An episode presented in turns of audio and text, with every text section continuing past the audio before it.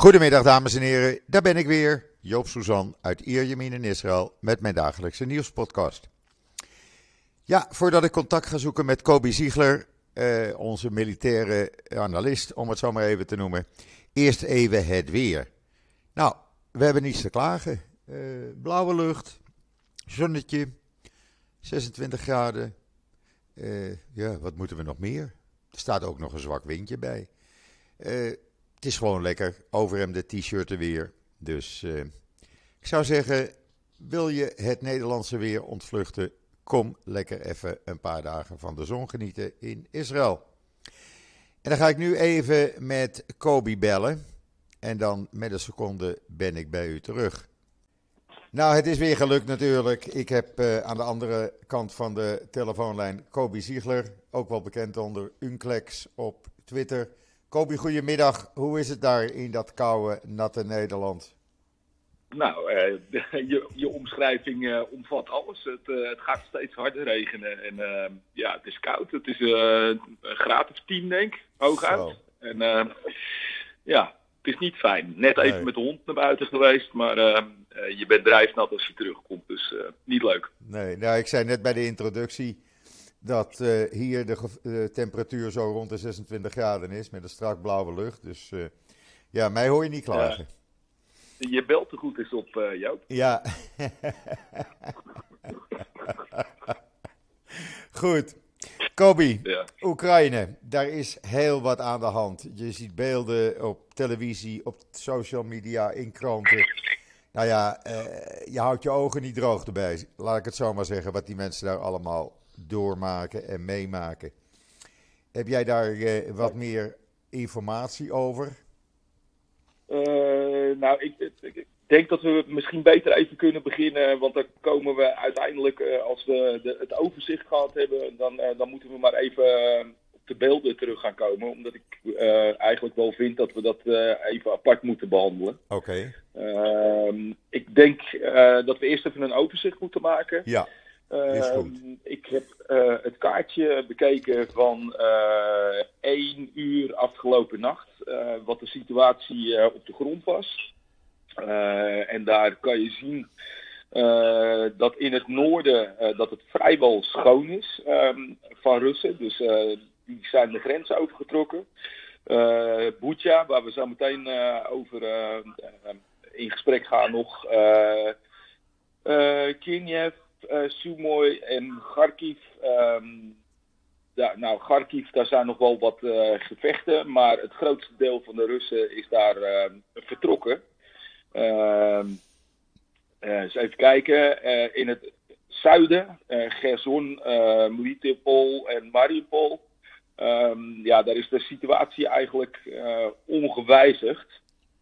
Um, dus daar, uh, ja, daar wordt nog steeds uh, hevig gevochten. Ik heb vanmorgen het kaartje van uh, Mariupol nog even bekeken. Ja. Ehm, de stadskaart zelf. En um, nou, wat daar nog in handen is van de Oekraïne, dat, dat beperkt zich nou, zeg maar tot het, tot het stadscentrum en iets, iets daarbuiten.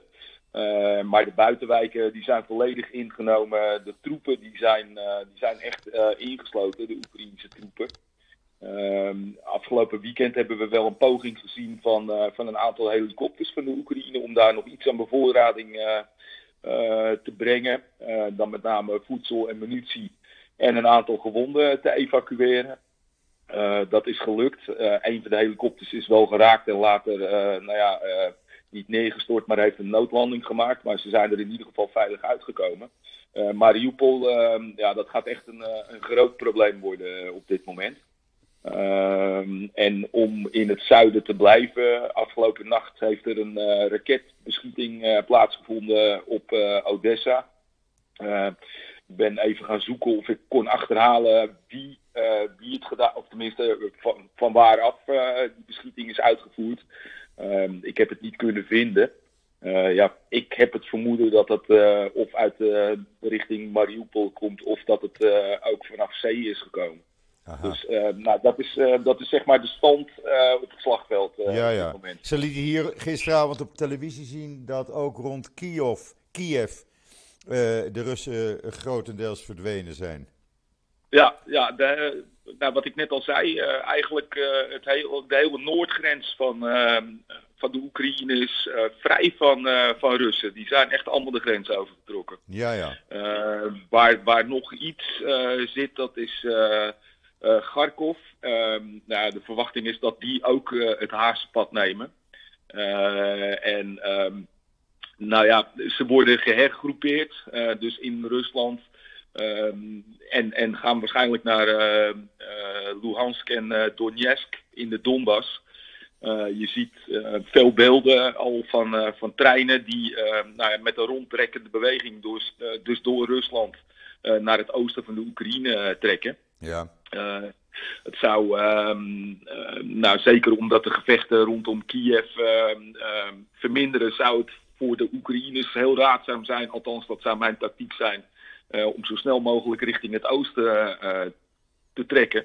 Zodat je de troepen die van, vanuit Rusland vers aangevoerd worden of opnieuw bevoorraad zijn, die de Donbass intrekken, uh, de pas kan afsnijden. Of in ieder geval uh, een warm welkom kan geven. Ja, ja. dat, ja, daarmee sta je eigenlijk al op 1-0 voorsprong.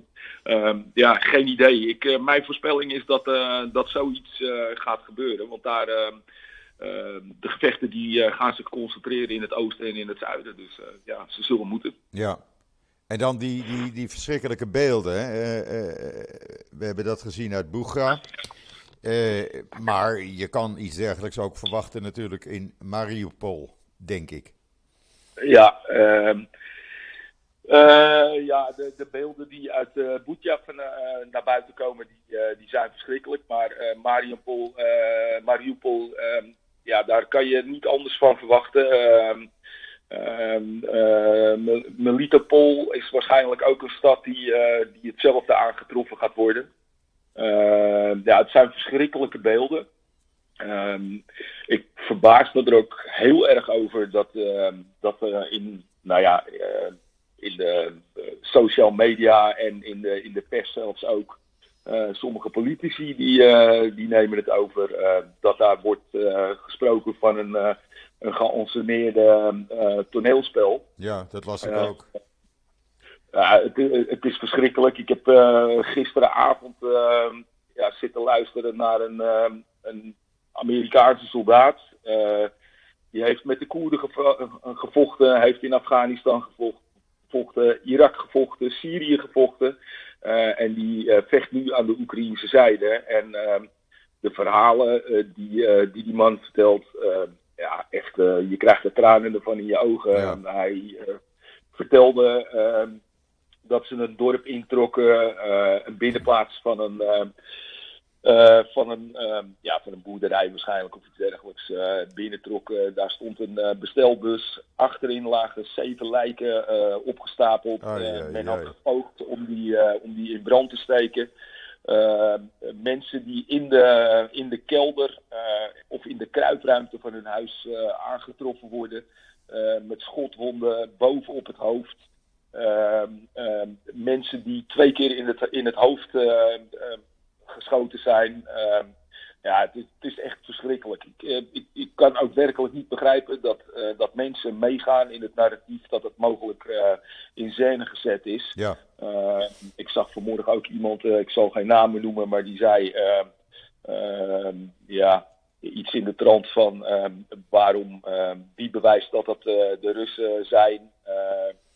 Nou, kijk, het is niet de eerste keer. Uh, de Russen die zijn meedogenloos. En dat is eigenlijk uh, wat ze overal laten zien. Uh, het maakt niet uit in welk conflict.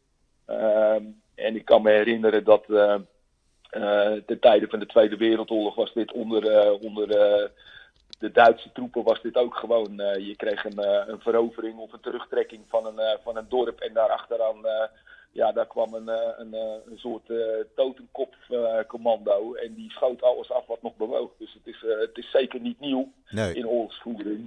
maar het zijn, het zijn regelrecht oorlogsmisdaden. Ik vind Absoluut. Het ja, Lapid heeft het ook gezegd hier vanmorgen. Het zijn oorlogsmisdaden. Ja, iedereen zegt het eigenlijk. Iedereen, iedere wel, weldenkend mens. En ja. ja. ik zag ook die tweets langskomen vanmorgen van mensen in Nederland die, uh, die beweerden, het zijn allemaal acteurs uh, die daarvoor worden betaald die dit uh, doen. Ja, sorry, dan ben je toch echt ver heen, zeg ik dan. Ja, ja ik, ehm, nou ja, ik probeer het maar te negeren. Ja. het gaat wel onder je uitzitten, Joop. Zo ja, absoluut. Gewoon, ehm, wat is de reden, wat is de reden, Kobi, voor de Russen om dit te doen? Is dit in, is dit in opdracht van de commandanten of van Poetin nou, misschien? Ehm, even kijken. Uh, Butja is uh, de 31ste, als ik dat uit mijn hoofd goed heb. De 31ste of 1 eh, april uh, zijn ze nou ja, bevrijd. Heeft het Russische leger zich ter, teruggetrokken. Ja. en toen was de algemene, ehm, de algemene aanname, zeg maar, de eenheid die daar zat, nou ja, die was op wraak belust. En uh, daarom hebben ze die slachtoffers uh, gemaakt. Ehm, nou ja, goed, dat zou, dat zou in, een, in, een, in een kleine omgeving zou dat nog kunnen. maar we zien het echt overal. het maakt niet uit welke stad verlaten wordt. Overal ja, komen dit soort beelden naar boven toe. Ja. In, in het geval van uh, Butja sprak die Amerikaanse militair, die sprak over een spoor uh, van uh, ongeveer 10 kilometer breed tot aan de grens, waar, waarin elk dorp op dezelfde manier, uh, op deze manier is, is uitgemoord eigenlijk. Verschrikkelijk. dus het is, het is geen uitzondering en nee. het is ook geen, geen braak van, van een nou ja, foute eenheid of wat het ook. Um, en als je mij vraagt waar ligt het aan ten grondslag, ik denk gewoon dat uh, dat de leiding uh, geen controle meer heeft op de, op de troepen. En gewoon simpelweg gezegd heeft van we gaan terug en zie maar hoe je over de grens komt. en ja, daarmee werkt je anarchie natuurlijk in de hand. Ja. iets anders wat, wat ook heel bijzonder is, is dat je vrachtwagens vol met, met huishoudelijke apparatuur, wasmachines, vaatwassers, televisies, alles wat, wat ook maar enigszins van waarde is uh, wordt in lege voertuigen de grens overgesleept. Uh, dus het is, ja, het is gewoon plundering. Ja. Daar komt het eigenlijk op neer. Plunderen en moorden. En dan, en dan ja, heb je de, de, van de Verenigde Naties de mensenrechtenorganisatie, de UNHCR. of HRC moet ik zeggen, UNHRC. Die dan gisteravond vier resoluties tegen Israël aanneemt. En ja. niets tegen Rusland. Nee, nee. Uh, nou Joop, uh, om, om, niet helemaal op die politiek in te gaan, maar uh, jij en ik die, die weten de handelswijze van de Verenigde Naties zo langzamerhand wel. En, ja. Ehm, ja, het is een, het is een orgaan wat feitelijk gekaapt is door allerlei foute mogendheden. Vrouwenrechten worden, of toezicht op vrouwenrechten wordt toegekend aan, nou ja, Iran. regimes. Iran. De rechtspraak die verbeterd moet worden, daar, daar zetten we ook een, een, een fout regime Ja. als hoofd aan de tafel. Dus ja, ik heb daar, nou, ik heb er geen bewondering Het is de wereld op zijn kop. Ik neem het ook echt met een ko- een korrel zout. Ja, het is de wereld op zijn kop. Echt. Ja, ja, het absoluut. is onbegrijpelijk. Onbegrijpelijk. Maar goed, uh, ja, het zijn beelden. Ik denk dat we die beelden de komende tijd nog wel vaker uh, zullen gaan zien. Helaas, moet ik zeggen. Uh, ja. Die verschrikkelijke beelden. Want ik denk niet dat dat van vandaag of morgen zomaar is afgelopen daar. Nee, nee, absoluut niet. Ik, ik verwacht, wat ik net al zei, in de Donbass en in het zuiden verwacht ik echt hevige gevechten. Uh, een, ander, uh, een ander dingetje wat misschien nog uh, iets is om in de gaten te houden. Odessa is natuurlijk vannacht gebombardeerd. Ja. Of in ieder geval, heeft, daar zijn een paar raketten neergekomen. en Odessa, dat ligt op een, op een kleine 100 kilometer afstand van de grens met Moldavië. In Moldavië, daar heb je Transnistrië. dat is de, de uh, nou, ik wil niet zeggen afvallige provincie, maar is wel een provincie die onder Russisch, grote Russische invloed staat. daar zit ook een legerplaats, Russische le legerplaats en een grote munitieopslagplaats. Daar zitten drie Russische battlegroups. die afstand tussen Moldavië en Odessa is dus 100 kilometer. Dat is en niks. Het zou dus kunnen zijn dat er een, dat er een front ja, van twee kanten gevormd gaat worden richting Odessa. Dus vanuit Moldavië. Ik zeg niet dat het gebeurt, maar het zou kunnen. En vanuit de andere kant, nou ja, vanuit de richting Mariupol, richting Odessa. Dus ehm, ik denk dat ze echt de zin gaan, gaan zetten op de, op de havensteden. En op de, ja, de belangrijke steden, Mariupol en Odessa. Odessa dus ook. Ja, Oké, dus, uh, ja, duidelijk. Het gaat spannend worden. Ja, het wordt zeker spannend. Nou ja, wij houden wel contact, uh, Kobi. Uh, mensen vragen regelmatig uh, aan mij via een DM'tje, waar blijft de militaire analist? Nou, ja. je hebt het weer duidelijk uitgelegd, mag ik zeggen. Precies. hartstikke bedankt Morgenavond nog even reclame maken voor oh, ja. winkeltje. Ja. Uh, morgenavond uh, is het weer dinsdagavond. Uh, de vaste Twitter Space avond die ik samen met, met Frank doe. Frank Bergmeijer. dus ik wil ehm, alle mensen uitnodigen om acht uur naar de Twitter Space te komen. Dan gaan we verder en wat dieper in op de, op de situatie. morgen gaan we er ook een klein beetje geopolitiek bij doen. om, om ja, uit te leggen uh, in hoeverre het conflict in de Oekraïne gevolgen heeft op bijvoorbeeld Europa en het Midden-Oosten en het Verre Oosten. Dus uh, ja, ik, uh, ik denk dat het een heel interessante avond wordt. Ik zal er in ieder geval weer bij zijn eh, morgenavond. Dinsdagavond, 8 uur op Twitter Space. Iedereen is weer ja. uitgenodigd om te luisteren en eventueel mee te praten. Helemaal goed. Hartstikke mooi. Okay. Bedankt, Kobi. En tot morgenavond. Oké. Okay. okay, tot morgen. Tot ziens. Hoi, hoi. Dag, dag. Ja, dat was uh, Kobi Ziegler, onze militaire specialist of analist, laat ik het zo maar even noemen, met weer een hele duidelijke uitleg. Uh, dan gaan we even verder met het uh, Israëlische nieuws, want hier gebeurt natuurlijk ook van alles en nog wat. de, het aantal gevallen van COVID, dat daalt nog steeds hier. het gaat de goede kant op. We hadden gisteren 10.664 nieuwe besmettingen erbij. Maar inmiddels is de, het R-getal, wat bepaalt hoeveel mensen iemand kan uh, besmetten, is gedaald naar 0,98. Dus dat is een goed, uh, goed teken. Er zijn nog uh, uh, 58.000 viruspatiënten actieve viruspatiënten zijn er 400 minder dan op uh, zaterdag. Uh, ja, en voor de rest, ook in de ziekenhuizen is het weer gedaald. 23 minder patiënten, 254 die ernstig ziek zijn, 119 in kritieke toestand en 98 liggen aan de beademing. Het aantal doden uh, door COVID is gestegen naar 10.530. En dan gisteravond groot nieuws in Israël. Het openbaar vervoer voor mensen van 75 jaar en ouder wordt gratis. Of het nou bus of trein is, maakt niet meer uit. Je kan gratis met het openbaar vervoer. Voor mensen, eh, vrouwen van 60 jaar en ouder en mannen van 65 jaar en ouder, die krijgen 50% korting. Kinderen tot 5 jaar blijven gratis reizen. Kinderen van tussen de 5 en 18 jaar krijgen 50% korting.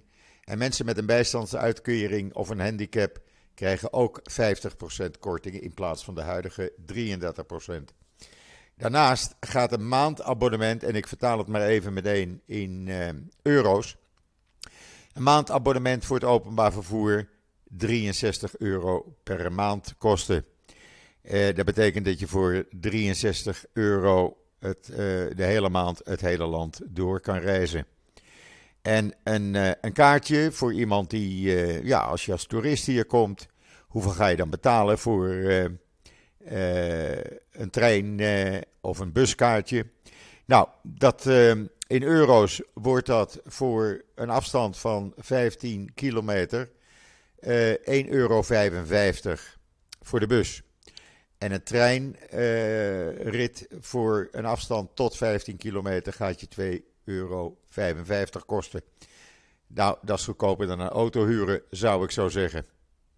En dan uh, heel bijzonder, of heel bijzonder is het eigenlijk niet, maar er is vanmorgen bekendgemaakt, en u kunt het allemaal lezen op israelnieuws.nl, dat het een, uh, een hond was die die vierde terreurverdachte wist te arresteren, tussen aanhalingstekens. Hij, hij ging achter, achter die terrorist en zijn broer aan, bracht ze tot stoppen, waarbij, waarna de, de dus deze twee mannen konden arresteren. Een leuk verhaal op israelnieuws.nl met een video over de opleiding van honden bij de IDF.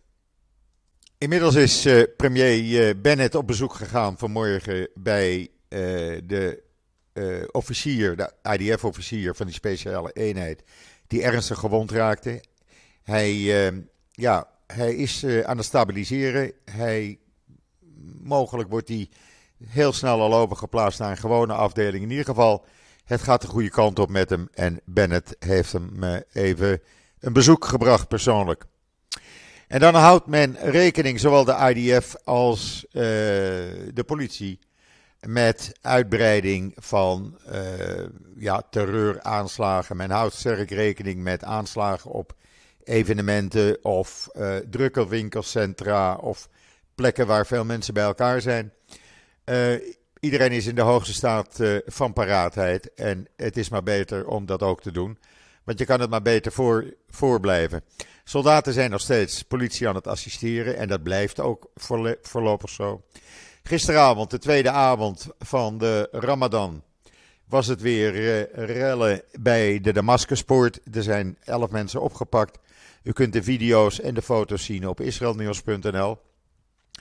Uh, ja, waarom je nou in een heilige maand, uh, want dat zegt men binnen de islam, de Ramadan is een heilige periode, waarom je dan moet gaan, gaan rellen, ja, ik ben er nog nooit achter gekomen en niemand eigenlijk, maar het schijnt tegenwoordig bij de Palestijnen erbij te horen.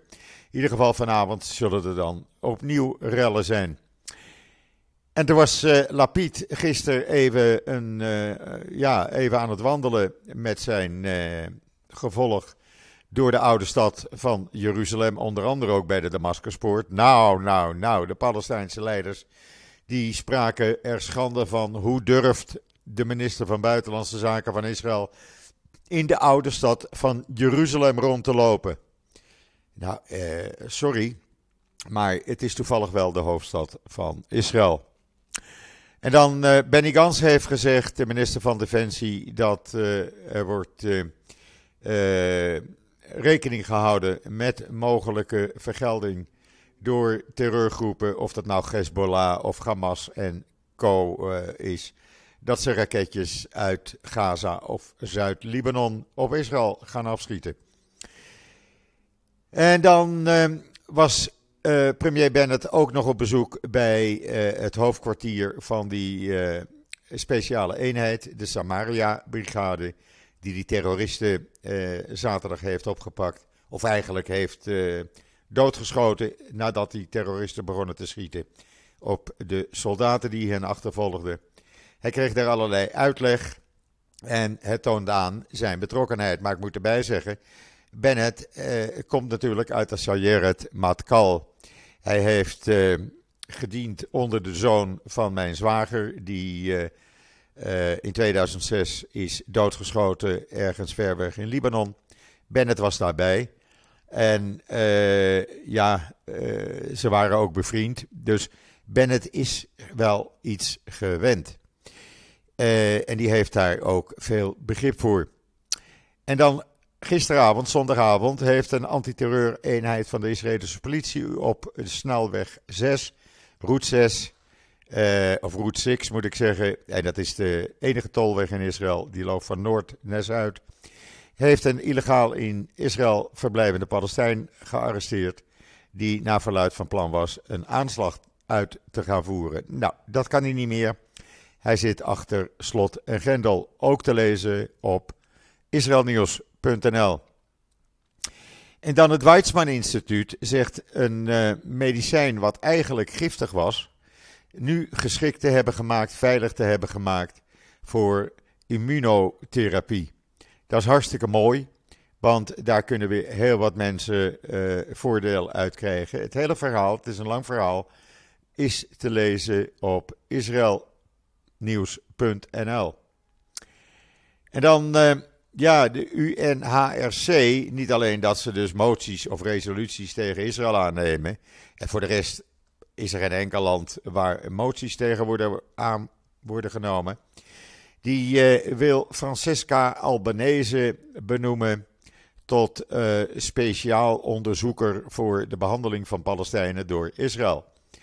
Nou, die mevrouw, die Italiaanse mevrouw, heeft een, uh, nog niet zo lang geleden geroepen dat de Nakba vergelijkbaar is met de Holocaust. Nou, als je zo iemand die al bevoordeeld is, die uh, bevooroordeeld moet ik zeggen, die vriend is van de Palestijnen, die alles doet om de Palestijnen te helpen, als je die een zogenaamd onpartijdig onderzoek laat doen, ja, dan ben je wel heel ver weg. Toont weer aan dat deze hele Verenigde Naties gewoon een, een, een, een ja, een lachertje is geworden en beter kan worden opgeheven en vervangen door iets anders. Want dit werkt niet meer. En dan is uh, Ethan Wertheimer overleden, 70 jaar jong.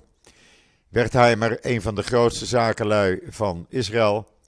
Uh, die, uh, ja, hij overleed aan kanker. Het bedrijf Iskar Company heeft hij een paar jaar geleden verkocht aan Warren Buffett, de bekende Amerikaanse investeerder.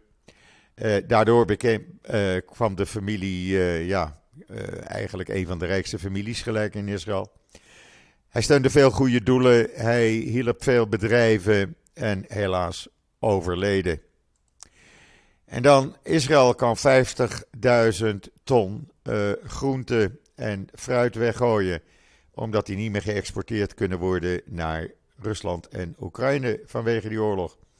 En nou hebben de organisaties die zorgen voor uh, ja, de minder bedeelden, dat die ook uh, kunnen eten, hebben gezegd: Nou, gooi dat nou niet weg, geef dat dan aan ons. Dan kunnen wij dat verdelen onder uh, de mensen die het zo nodig hebben.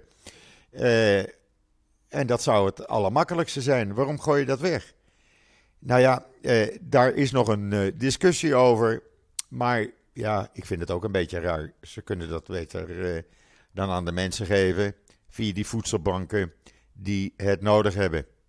En dan heel mooi, de ultra-orthodoxe stad Bnei Barak gaat een straat noemen naar de overleden Arab christelijke Arabische politieagent die door terroristen verleden week werd doodgeschoten toen hij een grote aanval uh, wist te voorkomen. En uh, ja, dat is dan wel iets bijzonders dat een ultra-orthodoxe stad na een christelijk iemand een straat gaat noemen. En zij noemen hem ook de held van Israël. Gisteravond op televisie weer zo onroerende beelden. Want wat gebeurde er? Er kwam een hele grote groep motorrijders uit Israël naar het huis van die christelijke Arabische familie. Naar zijn ouders, zijn familie. Uh, om om uh, ja, eer te tonen aan deze politieagent. En dat was heel bijzonder om te zien. Uh, daar hou je je ogen echt niet bij droog, kan ik je zeggen. Ook de Israëlische politie kwam gisteravond of gistermiddag langs bij die ouders. nu weer een speciale groep motoragenten uit allerlei delen van het land. En ja, zo blijft dat gewoon doorgaan. Gewone Israëlische schoolklassen die hun uh, meerdaagse schooluitje veranderen om uh, bij het huis van de familie van uh, deze vermoorde politieagent langs te komen. Heel bijzonder, maar dat is Israël. Laat ik dat erbij zeggen.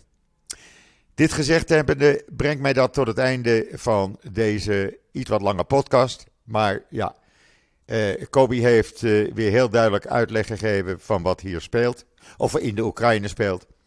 En eh, eh, over een aantal dagen, als er weer aanleiding toe is, komt hij weer in de uitzending, in de podcast. Vergeet niet morgenavond af te stemmen op Twitter Space om 8 uur Nederlandse tijd. Daar kan je ook luisteren en weer meedoen met uh, de discussie over Oekraïne. En krijgen we ook daar alle laatste nieuwtjes te horen. Goed, brengt mij tot het einde van deze uh, podcast. Ik wens iedereen nog een hele fijne voortzetting, ondanks de regen en het slechte weer in Nederland, van deze maandag, de 4e april. Hier is het 27 graden nu inmiddels. Het zonnetje schijnt volop. Uh, dus wij, uh, ja, wij genieten daarvan. Ik ben er morgen weer en zeg zoals altijd: tot ziens, tot morgen.